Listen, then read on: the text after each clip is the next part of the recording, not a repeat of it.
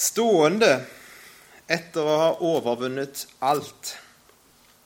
Det er jo ikke et uh, uttrykk fra Daniels bok, men det er et uttrykk som jeg syns passer voldsomt godt til Daniels bok. Egentlig så er det et uttrykk fra Efeserbrevet.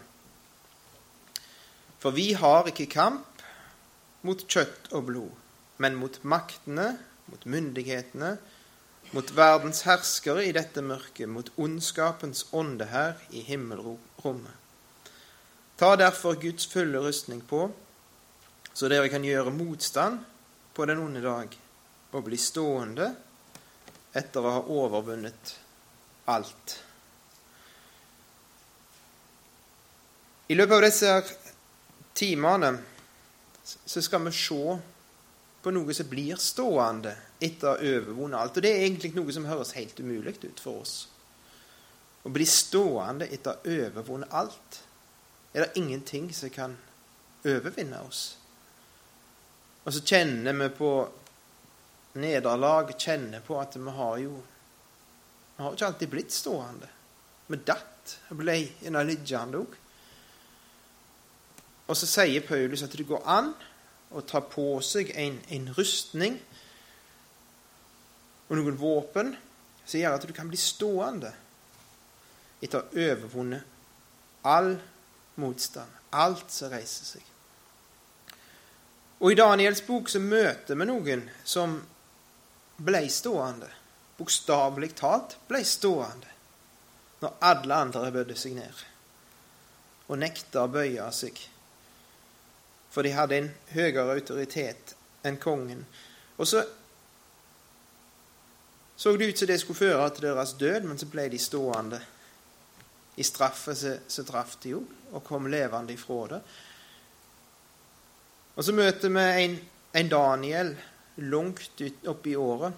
En som slapp klar den testen, men som ble sjøl satt på prøve når han var oldgammel. Og så ble han nok stående etter å ha overvunnet alt.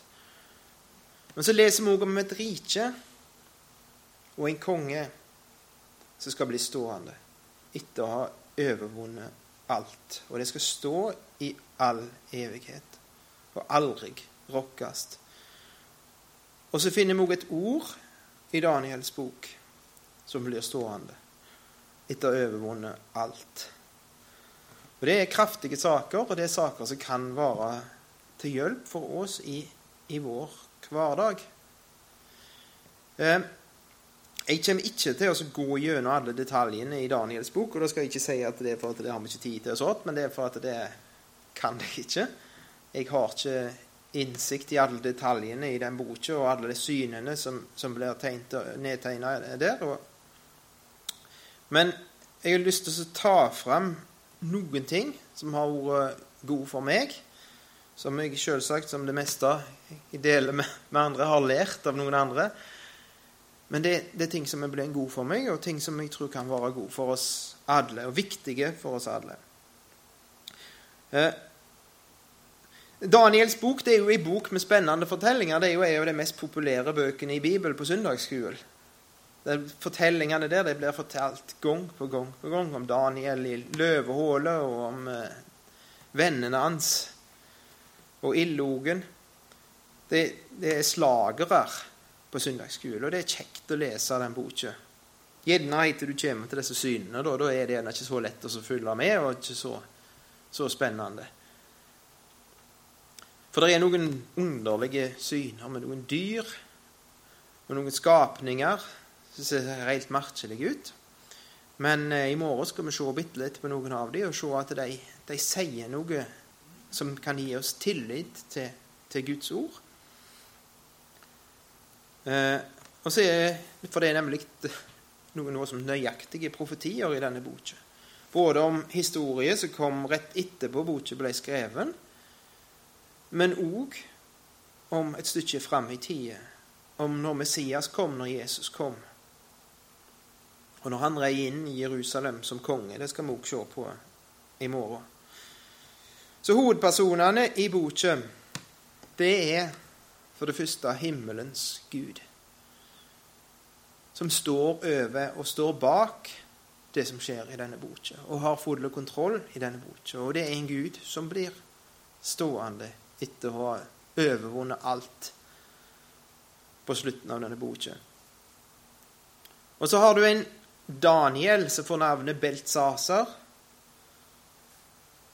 som står etter å ha overvunnet alt. Og så har du Hanania, som fikk navnet Shadrach, Mishael, som fikk navnet Meshach, og Asaria, som fikk navnet Abednego, som også blir stående etter å ha overvunnet alt. Og så har du noen som ikke blir stående. Nebukadneser, Belsasar og Darius. Ingen av dem blir stående. Og ingen av de verdensrikene som blir presentert i denne boka, blir stående. Alle skal falle en dag når det blir revet en stein så knuser alt sammen. Eh, boka er skrevet rundt 530 før Kristus, og så begynner hun i 605 før Kristus. Så Daniel var en relativt gammel mann når han skrev, begynte å skrive på dette. her. Han skrev den på to språk hebraisk fra kapittel 1.1 til kapittel 2, vers 4. Midt i vers 4 så bytter det språk til aramaisk, så var det språket de snakket i Babylon. Og det går fram til kapittel 7, ut kapittel 7. Og så kommer kapittel 8. Da skifter det tilbake igjen til hebraisk. Det er gjerne en litt merkelige ting. Men kanskje det sier litt om den tilstand Daniel og vennene hans var i. De var vekke ifra alt som var kjent og kjært. I et fremmed land, med et fremmed språk, med fremmede guder. Og det er i den situasjonen Gud åpenbarer seg for Daniel først. Eh, boka er bygd opp Sånn som dette delt i to deler. Første del foregår i det babylonske hoffet, det babylonske riket. Og så finner vi det medopersiske hoffet. Det er det riket som kom etterpå, i kapittel 6. Så har du to bilder. Det som Nebukadneser drømte om, denne her statuen. Og så har du i kapittel 3 så har du et, et bilde som Nebukadneser reiser opp i dalen. Og du har på andre sida to syner av, av, dyr. Kapittel 7 har du fire dyr, kapittel 8 har du to dyr. Så er parallelle til de to. Så har du to konger som blir straffa. Kapittel 4 så er det Nebukadneser som blir straffa og gjenoppretta. Og kapittel 5 så kommer skriftet på veggen for Belsasar, og så, for Belsasar, og så blir riket, for riket sin ende. Og så har du i del B da, så har du to skrifter som blir forklart. Kapittel 9 så er det profetien i Jeremias i bok som, blir, som Daniel oppdager eller leser, og så får en forklaring. Og så er det noe som heter Sannhetens bok. Det handler om at kongen ble ødelagt og verdens ende. Ikke bare riket sin ende, men verdens ende. Men nå skal vi lese ble det mye tort igjen. Nå skal vi lese i kapittel 1 fra det første verset. I Judas konge Joakims tredje regjeringsår dro Nebukadneser, kongen i Babel, til Jerusalem og beleiret byen. Herren overga Judas konge, Joakim, i hans hånd. Likeså en del av karene i Guds hus. Nebukadneser brakte karene til Sinærs land, til sin Guds hus, og han satte dem i sin Guds skattkammer. Kongen sa til Aspenas, sin øverste hoffmann, at han skulle ta med seg noen av Israels barn, både av kongeætten og av de ansette familiene, unge gutter som var uten lyte, med vakkert utseende, som la for dagen forstand på all slags visdom, og hadde evner til å vinne kunnskap og få innsikt i vitenskap, slike som var skikket til å tjene i kongens slott dem skulle han gi opplæring i kaldeernes skrift og språk. Kongen fastsatte deres daglige tildeling av kongens fine mat og av vinen han drakk. I tre år skulle de få opplæring, og når denne tiden var til ende, skulle de stå i tjeneste hos kongen. Blant dem var Daniel, Hananya, Mishael og Asaria av Judas barn. Den øverste hoffmannen ga dem nye navn. Daniel kalte han Beltsatsar. Hananya ble kalt Shadrak. Mishael ble kalt Meshak, og Asaria fikk navnet Abednego. Gud gav Israels konge i Nebukadnesers hånd. Gud sa nå nok er nok. Nå har dere latt være å bry dere om hva jeg har sagt, og bry dere om meg lenge nok. Nå må dere ta konsekvensen av det. Og så lot han Nebukadneser vinne, og så fikk han lov å ta med seg noen av de, de fine gull- og sølvkarene som var i, i Guds hus, som var innvia til Gud. Det fikk han lov å ta, og så sette han de i sin Gud sitt hus.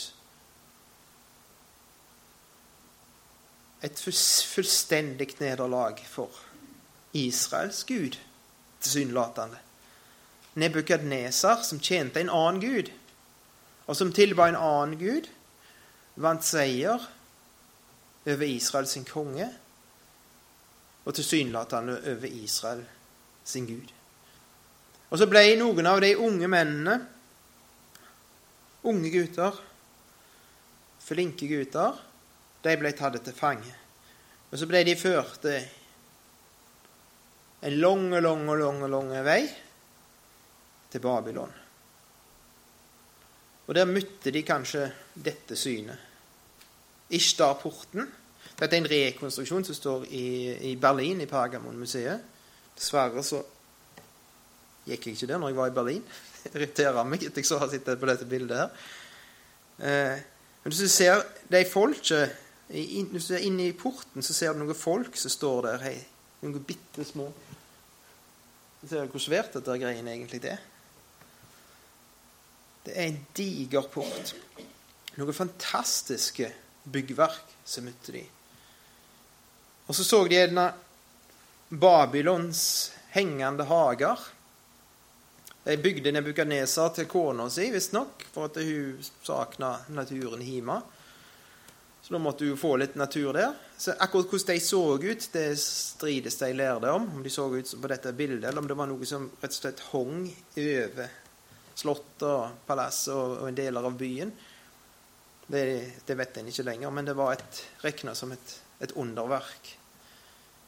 Det var noen fantastiske ting. Noen ting som de aldri hadde sett maken til hjemme i denne lille småbyen Jerusalem, så det så ut som når de kom der til. Dette her var svære greier. Dette var noe helt annet enn det de hadde hjemme.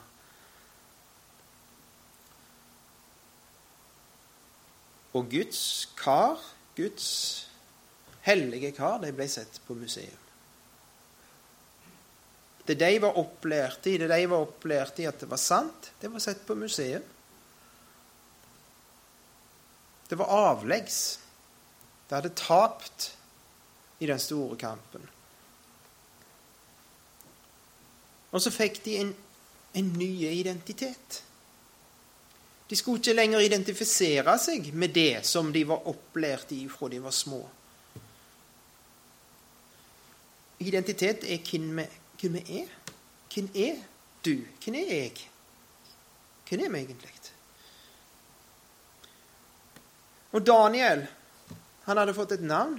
Foreldrene hans hadde gitt han et navn når han ble født. Og det navnet det hadde de tenkt, tenkt over. De hadde ikke bare sett på ti på topp-liste, men de hadde tenkt hva skal vi kalle denne gutten? her? Jo, vi kaller han Gud er min dommer. Men vi vil minne han lille Daniel når han vokser opp, på at han står ansvarlig overfor Gud med livet sitt. Det er en Gud der oppe i himmelen som ser alt Daniel gjør, og ser alt han tenker. Men ikke bare det. Men Gud er òg en dommer. Gud er en dommer som skal dømme verden. Det er ikke likegyldig hvordan vi lever her i livet, og så dør vi, og så er det slutt. Gud skal dømme. Det er en dommer. Og det navnet fikk Daniel med seg. Men så tenkte de det, det kan vi ikke ha. Skal ikke ha noe Gud som er dømmer. Skal ikke ha noe Gud som er dommer. Nei, det er ikke han som er Gud. Mobel, vår Gud. Babylonernes Gud. Må han beskytte livet hans. Må han ta seg av det. er han som er sterke. Det er han som har vunnet. Og så har du Hanania. For hva trenger du når det er en Gud som er en rettferdig, strenge dommer? En som ikke gjør forskjell på folk. En Gud som er rettferdig, og som skal dømme rettferdig. Alle mennesker skal dømme rettferdig. Hele verden skal dømme rettferdig. Da trenger du en Gud som viser nåde. Og det hadde Hananya fått med seg fra han var liten. Herren viser nåde når du ikke får det til, når det går gale for deg, når du synder, når du står under dom med livet ditt, så er det en Herre som viser nåde. Og Så ble det navnet tatt ifra han, så fikk han et nytt navn. Shadrach. Akus befaling. Aku, det var måneguden til babylonerne. En annen gud. En av mange guder. Og Mishael, han fikk navnet Kinn er som Gud'? Så jeg skulle minne han på at når du ser alt de andre tilber, når du ser alt det fine i verden, når du ser Hvem er som Gud? Ingen kan sammenlignes med han. Det er ingen andre enn han. Og så spotta de han med å gi navnet Meshak. Hvem er som Aku? Månegud vår Gud, babylonierne sin Gud. Og så har du en Asaria som fikk navnet Herren hjelpe. Herren hjelpe. Det vil si at Herren nedverdiger seg sjøl, er barmhjertig nok til å hjelpe oss mennesker. Nei, han skulle hete Abednego. Nabu sin tjener. Det var sønnen til Bel, eller Marduk, som han het. De ble tatt ifra den identiteten de hadde fått ifra de var små. Deres navn, deres identitet, var knytta til Gud. I vår familie så tror vi på Gud. Jeg og mitt hus, vi vil tjene Herren. Og så blir de opplært i at det, dere kommer ifra Gud, dere. Det er der dere kommer ifra. Det er der dere har deres opphav. Det er Han dere skal stå ansvarlige for. Det er Han dere skal søke å hjelpe hos. Det er Han som er større enn alle andre, og det er Han som hjelper. Og så ble de fortalt nei. Den guden som dere tror på, den guden som dere opplærte opplært i fra dere var små, den er ingenting, den. Han er på museum, han. Se på det vi tror på. Det er det som er sterkt. Se den flotte byen. Se den flotte, port, den flotte porten dere gikk gjennom. Se de hagene vi har bygd. Se det samfunnet vi har bygd. Se det digre området som vi styrer over. Som vi kontrollerer. Glem den der guden som dere tror på, som dere er opplært i fra da dere var små. Og det er det ungdommene i dag får høre når de vokser opp, når de går på skole, og enda mer når de begynner å studere. Den identiteten som dere har fra, fra til, det er en Gud i himmelen som har skapt dere, som dere skal stå til regnskap for, som bryr seg om dere. Det er tull og vas. Han finnes det ikke.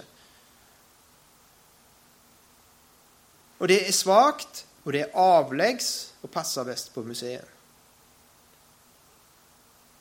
Og da er utfordringen for sånne som også har unger, som skal møte dette her, eller dere som er besteforeldre til noen som møter dette her.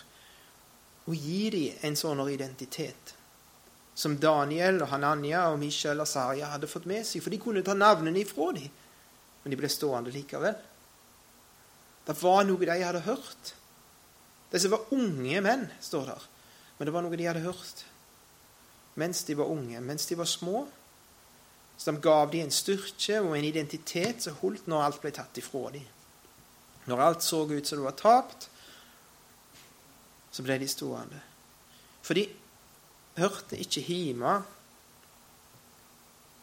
i Babylon. Himlandet deres var en annen plass. Daniel ba vendt mot Jerusalem. Der mitt himlene, sier han. Og det har vi òg. Så tror et himland en annen plass. Vårt borgerskap er ikke her i denne verden, og det er egentlig ikke i Norge heller. Vi er ikke nordmenn, først og fremst. Vi hører til Guds rike. Vi hører til Gud, og vi har et himmelsk Jerusalem, der vi hører hjemme. Vi er fremmede i denne verden.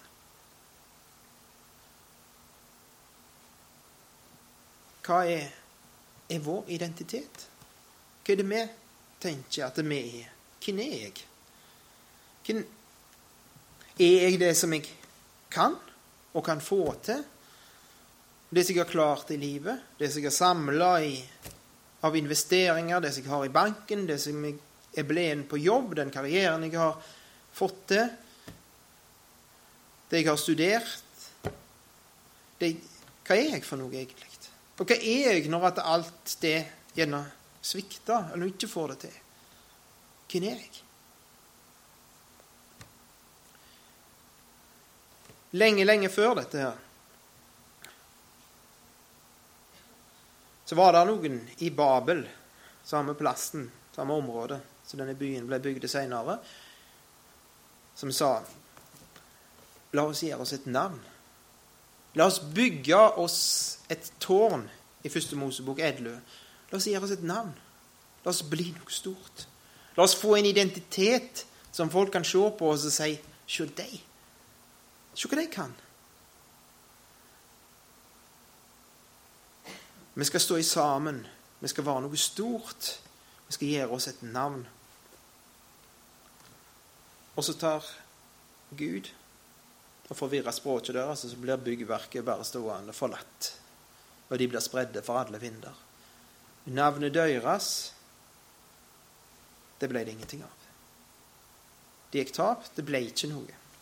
Og så er det med alle navn som vi kan bygge oss her i verden. Hvis vi, hvis vi tenker på jeg skal bygge meg et navn, jeg skal, jeg skal gjøre karriere, jeg skal bli til noe, jeg skal få til noe her i denne verden Det står igjen et monument etter meg her i denne verden det navnet det blir ikke stående. Det monumentet det blir ikke stående. Det går ei stund, og så ligger det i ruiner. Og det kan gå i ruiner før den tid. Det navnet som folk har bygd seg, og den karrieren som folk har bygd seg. Det har vi jo sett de siste ukene. Men så er det en i kapittel 12, en som heter Abraham, som får beskjed om jeg vil gjøre ditt navn stort. Jeg skal lage et navn til deg. Og det er det som er skillelinje. Hvem er det vi forholder oss til? Er det meg og mitt navn og det jeg er, og det jeg kan få til? Eller er vi knytta til en annen og stoler på han og er overgitt til han? Og så sier han 'Jeg skal gjøre navnet ditt stort'. Og det er sant det om alle som har gitt livet sitt til Jesus. Som har gitt livet sitt over i hans hender. Og som gjør det hver dag. Og sier 'Her er jeg. Ta meg. Bruk meg til det du vil i dag'. Og som ikke satser på å gjøre seg et navn i denne verden, men ser fram til en kommende verden, til et kommende rike, til en kommende konge. De skal han sørge for å gjøre navnet deres stort. Han skal vise seg herlige i alle sine hellige. Han skal la oss stråle evigheten til hans ære hvis vi gjør det. Og jo mer vi gir avkall på vårt navn og vårt i denne verden, jo mer skatter ligger der og venter i den kommende verden. Så Det var den første prøven de ble sett på, navnet deres. Hvem er du egentlig? Er du en som er knytta til Gud? Er det en Gud i det hele tatt? Eller er du bare et produkt av tilfeldigheter? For det er det verden sier i dag. Du er bare kjemi og fysikk. Følelsene dine, tankene dine, er bare noe som, noe som skjer, noen elektriske impulser oppi der. Og en dag så er det bare slutt. Så skrur du av maskinen, og så, igjen, så er det stopp. Det er ikke noe opphav i en Gud. Det er ikke en Gud som ville at du skulle eksistere. Og det er ikke noe evighet som venter.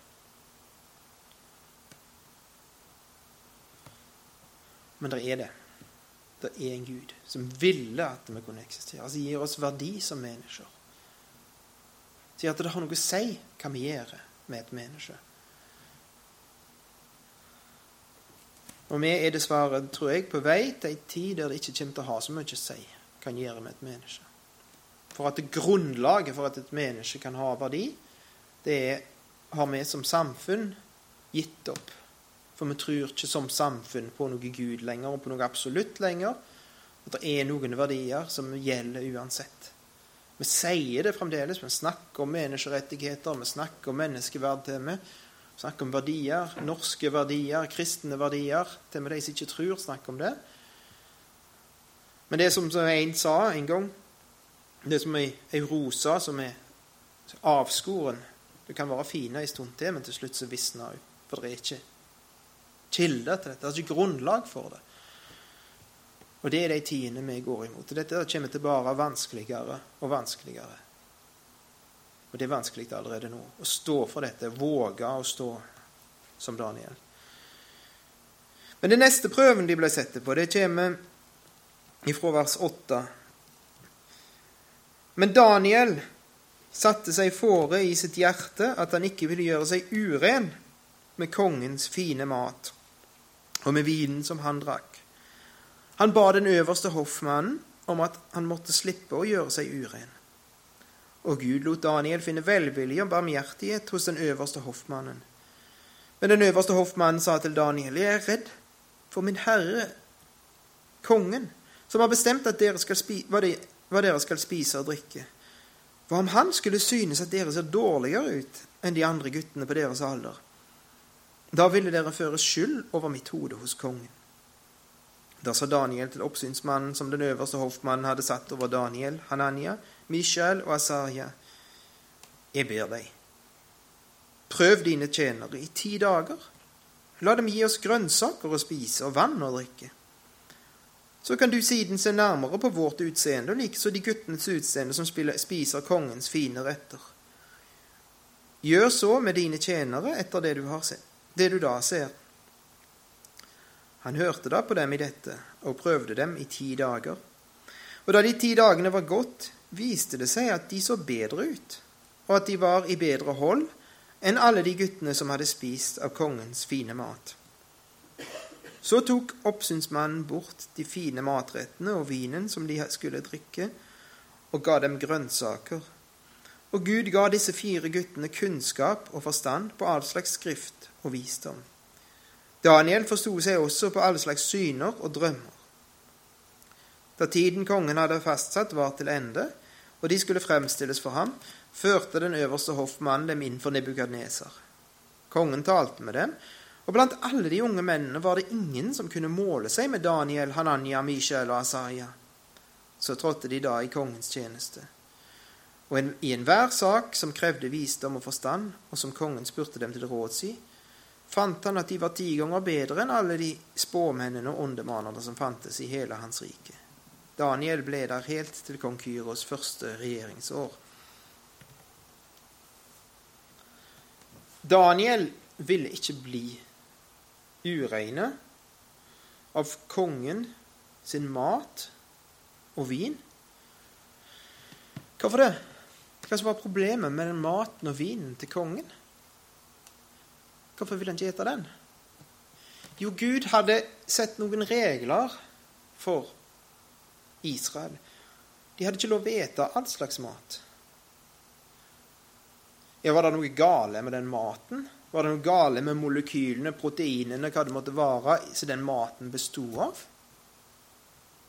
Kunne liksom peke på noe som sier at nei, svinekjøtt, det er ikke bra. Analysere det under mikroskopet og sier at nei, det er ikke bra greier, det der. Det kan dere ikke ete. Jeg vet det er de som mener det, men sannsynligvis er det ikke så. Men Gud hadde sagt at dette skal dere ikke ete. Gud hadde sett grenser for dem. Og de grensene var trangere enn de folket som var rundt dem. Og så er det for oss kristne. Det er noen grenser som er sett for oss kristne, som de rundt oss ikke ser poenget med i det hele tatt. Og så tror, og så har vi en Gud å gjøre. Grenser som er begrunna i Gud. Og det er ikke mat i vår sammenheng. Men det kan vi bruke livet vårt til. Samler dere ikke skatter på jordet, sier Jesus. Men alle rundt oss gjør jo det. Seksualitet det er det satt grenser for. Men mange rundt oss bryr seg ikke om de grensene. Helt andre grenser for det. Grenser for hva vi kan si med munnen vår. La ikke noe råtesnakk gå ut av munnen deres. Det er den grensa har ikke de rundt oss. De sier hva de vil. Forteller de vitsene de har lyst til å fortelle. igjen. Daniel ville ikke bli urein. Han ville ikke slippe ting inn i livet sitt som ikke var reine. Som det var noe skjete med, noe som lukta, noe som Gud ikke likte. Og Så så han på denne maten og så sa han at vi vet jo ikke hva vi får. Vi har jo ikke peiling hva sort kjøtt dette her er. Plutselig så får vi servert noe som, som ikke har lov å ete. Vi kan ikke ete dette. Og I tillegg så står det noe om, om vinen. Og det var, jo ikke, det var jo ikke forbud mot å drikke vin. Vin ble framstilt som en Guds gave i Det gamle testamentet. Så hvorfor ville han ikke drikke vin?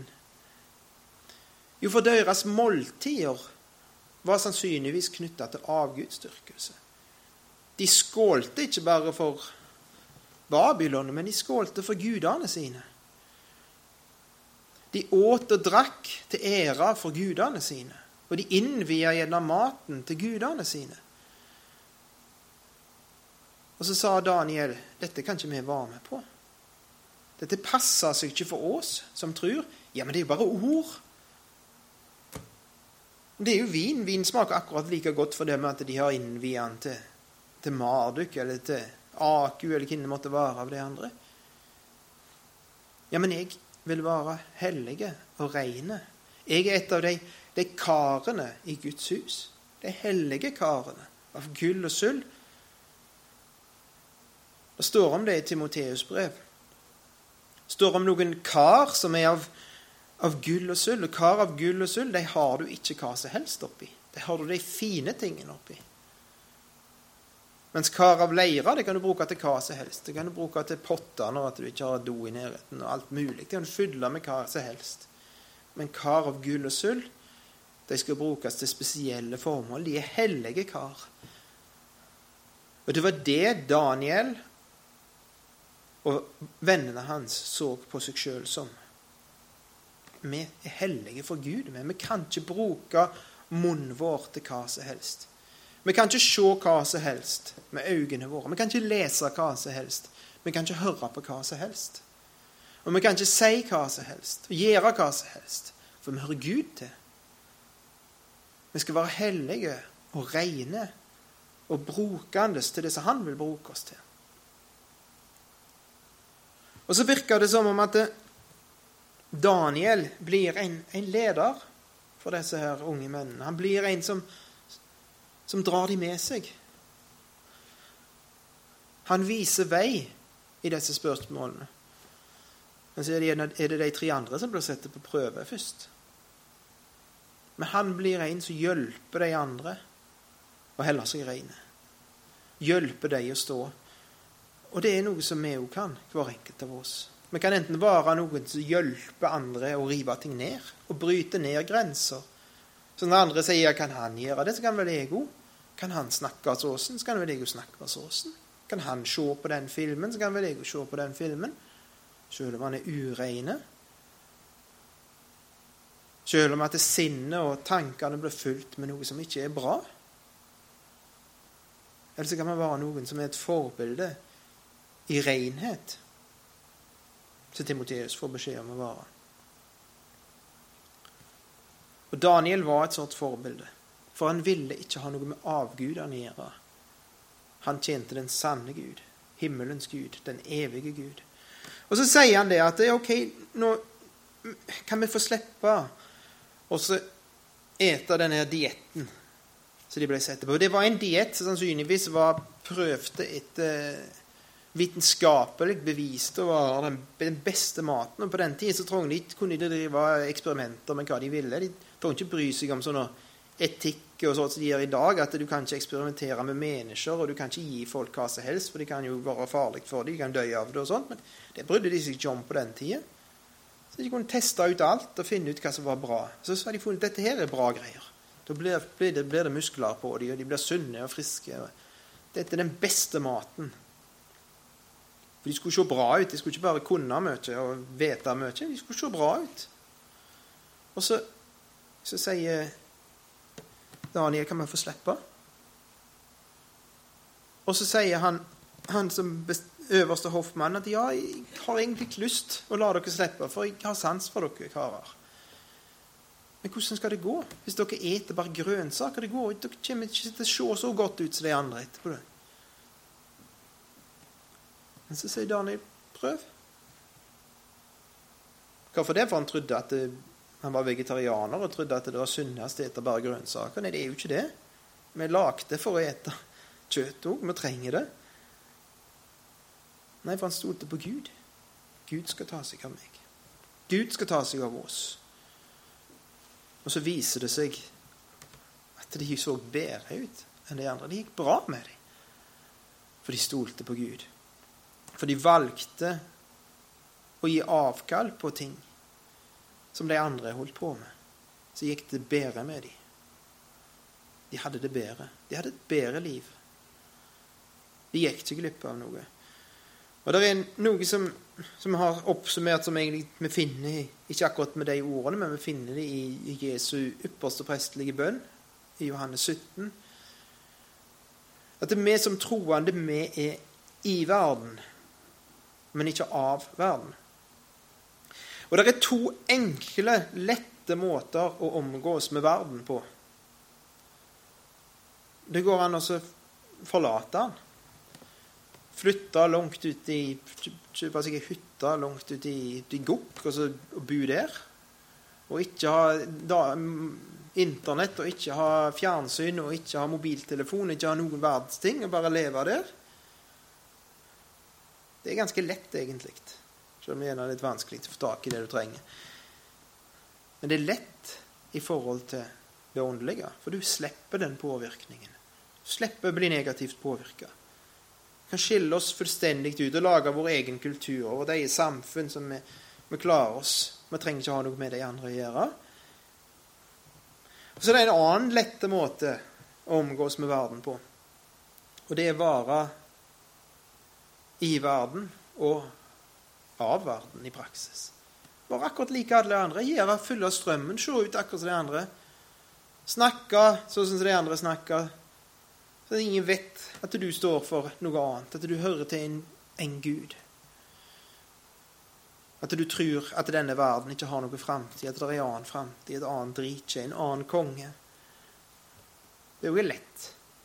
For du du får ikke motstand på den måten. Men det som er vanskelig, og som er det som Herren vil for oss, det er at vi skal være der i verden. Vi skal ta oss utdannelse. Og vi skal jobbe i lag med folk som ikke tror. Og for arbeidsgivere som ikke tror. Og vi skal ha ei fritid i denne verden. Der vi er i verden, men vi er ikke av verden. Vi skal være annerledes. Vi skal ha andre verdier, andre prioriteringer. En annen måte å snakke på. En annen måte å leve på. En annen måte å omgås med hverandre på. Høre til en annen konge og et annet rike. Og det er vanskelig. Men det er det som er det sanne livet, det evige livet, som det står om i Johannes 17. Livet med store L.